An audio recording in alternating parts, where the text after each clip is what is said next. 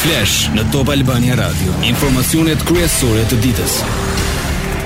Po ndiqni përmbledhjen e orës 16 unë jam Ani Bame.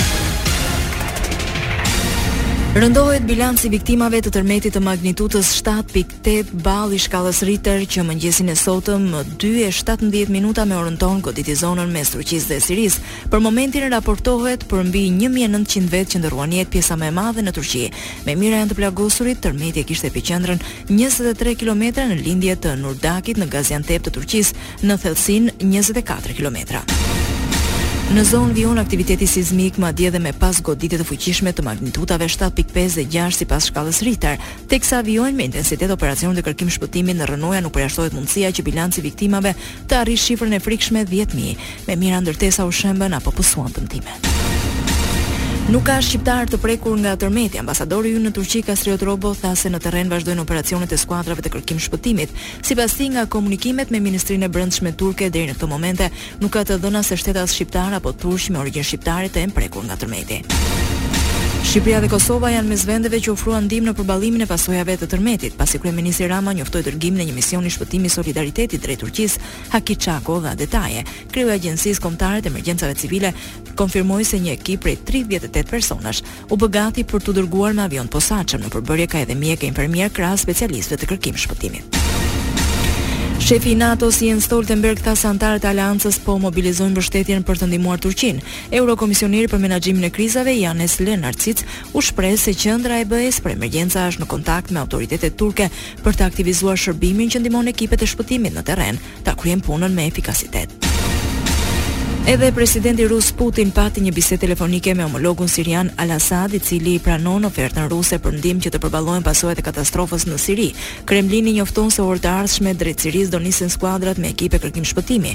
Rusia u zotua të ndihmojë edhe Turqinë. Papa Francesku reagoi i trishtuar për humbjet e jetëve të njerëzve dhe tha se lutet për Sirinë dhe Turqinë. Ati i Shenjtë vuri në dukje se shpirtërisht u qëndron pranë të gjithë njerëzve të goditur. Gjithashtu u shprehu ngushëllime familjeve që humbën të dashurit në tërmetin më shkatërrimtar të mbi njëqind viteve të fundit për Turqinë. Lajmet në internet në adresën www.topalbaniaradio.com. Prokurorja e çështjes kërkoi masën e sigurisë arrest me burg për Alda Klosin, ish drejtoreshën e Ministrisë së Financave në kohën kur ky dikaster drejtohej nga Arben Ahmetaj. Seanca gjyqësore për zyrtaren mund të caktohet nesër. 41 vjeçarja dyshohet për pastrim parash, deklarim të rremë para policisë dhe fshehje pasurie.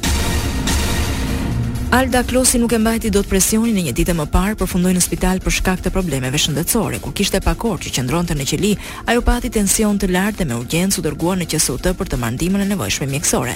Me gjasa do qëndrojë edhe në vijim nën monitorimin e bluzave të bardha dhe verifikimi i masës së sigurisë pritet t'i bëhet në spital. Emri i zyrtares u bë gjerësisht i njohur në ditët e para të janarit për vjedhjen e një shume të konsiderueshme parash nga banesa dhe si autorë të dyshuar u arrestuan ish-pastruesja Rozeta Dobi dhe djali i saj Havier Dobi. E akuzuara për vjedhjen e 120 mijë eurove pranoi të bashkëpunojë me policinë duke i dorëzuar drejtësisë Alda Klosin.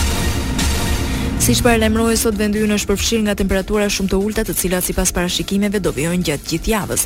Autoriteti rrugor bën të ditur se akset janë të hapura për qarkullim, por drejtuesit e mjeteve duhet të tregojnë kujdes të shtuar. ARRSH apelon të përdorni goma dimri në zonat ku ka borë e ngrica, Respektoni sigurinë rrugore dhe ulni shpejtësinë. Pasojat e uljes së temperaturave i ndjen dhe bujqësia në vendin tonë. Për këtë qëllim, specialistë të Ministrisë së Bujqësisë dhe Zhvillimit Rural janë në terren duke këshilluar për marrjen e masave. I ftohti vë në vështirësi punën për mbrojtjen dhe menaxhimin e fermave. Lajme nga rajoni. Kryeministri Albin Kurti u bën thirrje fuqive perëndimore të mos i ushtrojnë presion Prishtinës që të pranojë themelimin e Asociacionit të Komunave me shumicë serbe, ndërsa çështja po rrit tensionet Kosovë-Serbi Gjatë një interviste për Associated Press, Kurti tha se në vend të kësaj, Perëndimi duhet të përqendrohet që ta bëjë Serbinë më demokratike dhe të largojë idetë hegjemoniste të Beogradit. Kryeministrja e Serbisë Ana Brnabiq pranoi se në një prej raporteve të publikuara në faqen zyrtare të qeverisë që drejton ishte shkruar Republika e Kosovës, duke shtuar se ky rast lidhej me një gabim në përkthim. Radiotelevizionit të Serbisë Bërnabiç i tha se gabimi ndodhi në përkthimin në anglisht. Bërnabiç foli dhe për vizitën e të dërguarit të Bashkimit Evropian Miroslav Lajçak në Prishtinë dhe më pas në Beograd. Sipas kryeministres serbe, të tilla aktivitete diplomatike po shtohen dhe presioni intensifikohet. Unë besoj në garancitë e komunitetit ndërkombëtar sa i përket themelimit të Asociacionit të Komunave me Shumicë Serbe, deklaroi Bërnabiç. Lajme nga bota.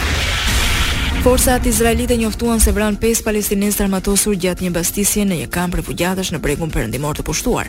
Kjo pritet të përshkallëzojë tensionet në rajon. Zyra e presidentit të Autoritetit Palestinez tha se kjo dhunë është krim, ndërsa nga Shtetet e Bashkuara kërkoi që t'i bëjnë presion Izraelit të mos vazhdojë me inkursione.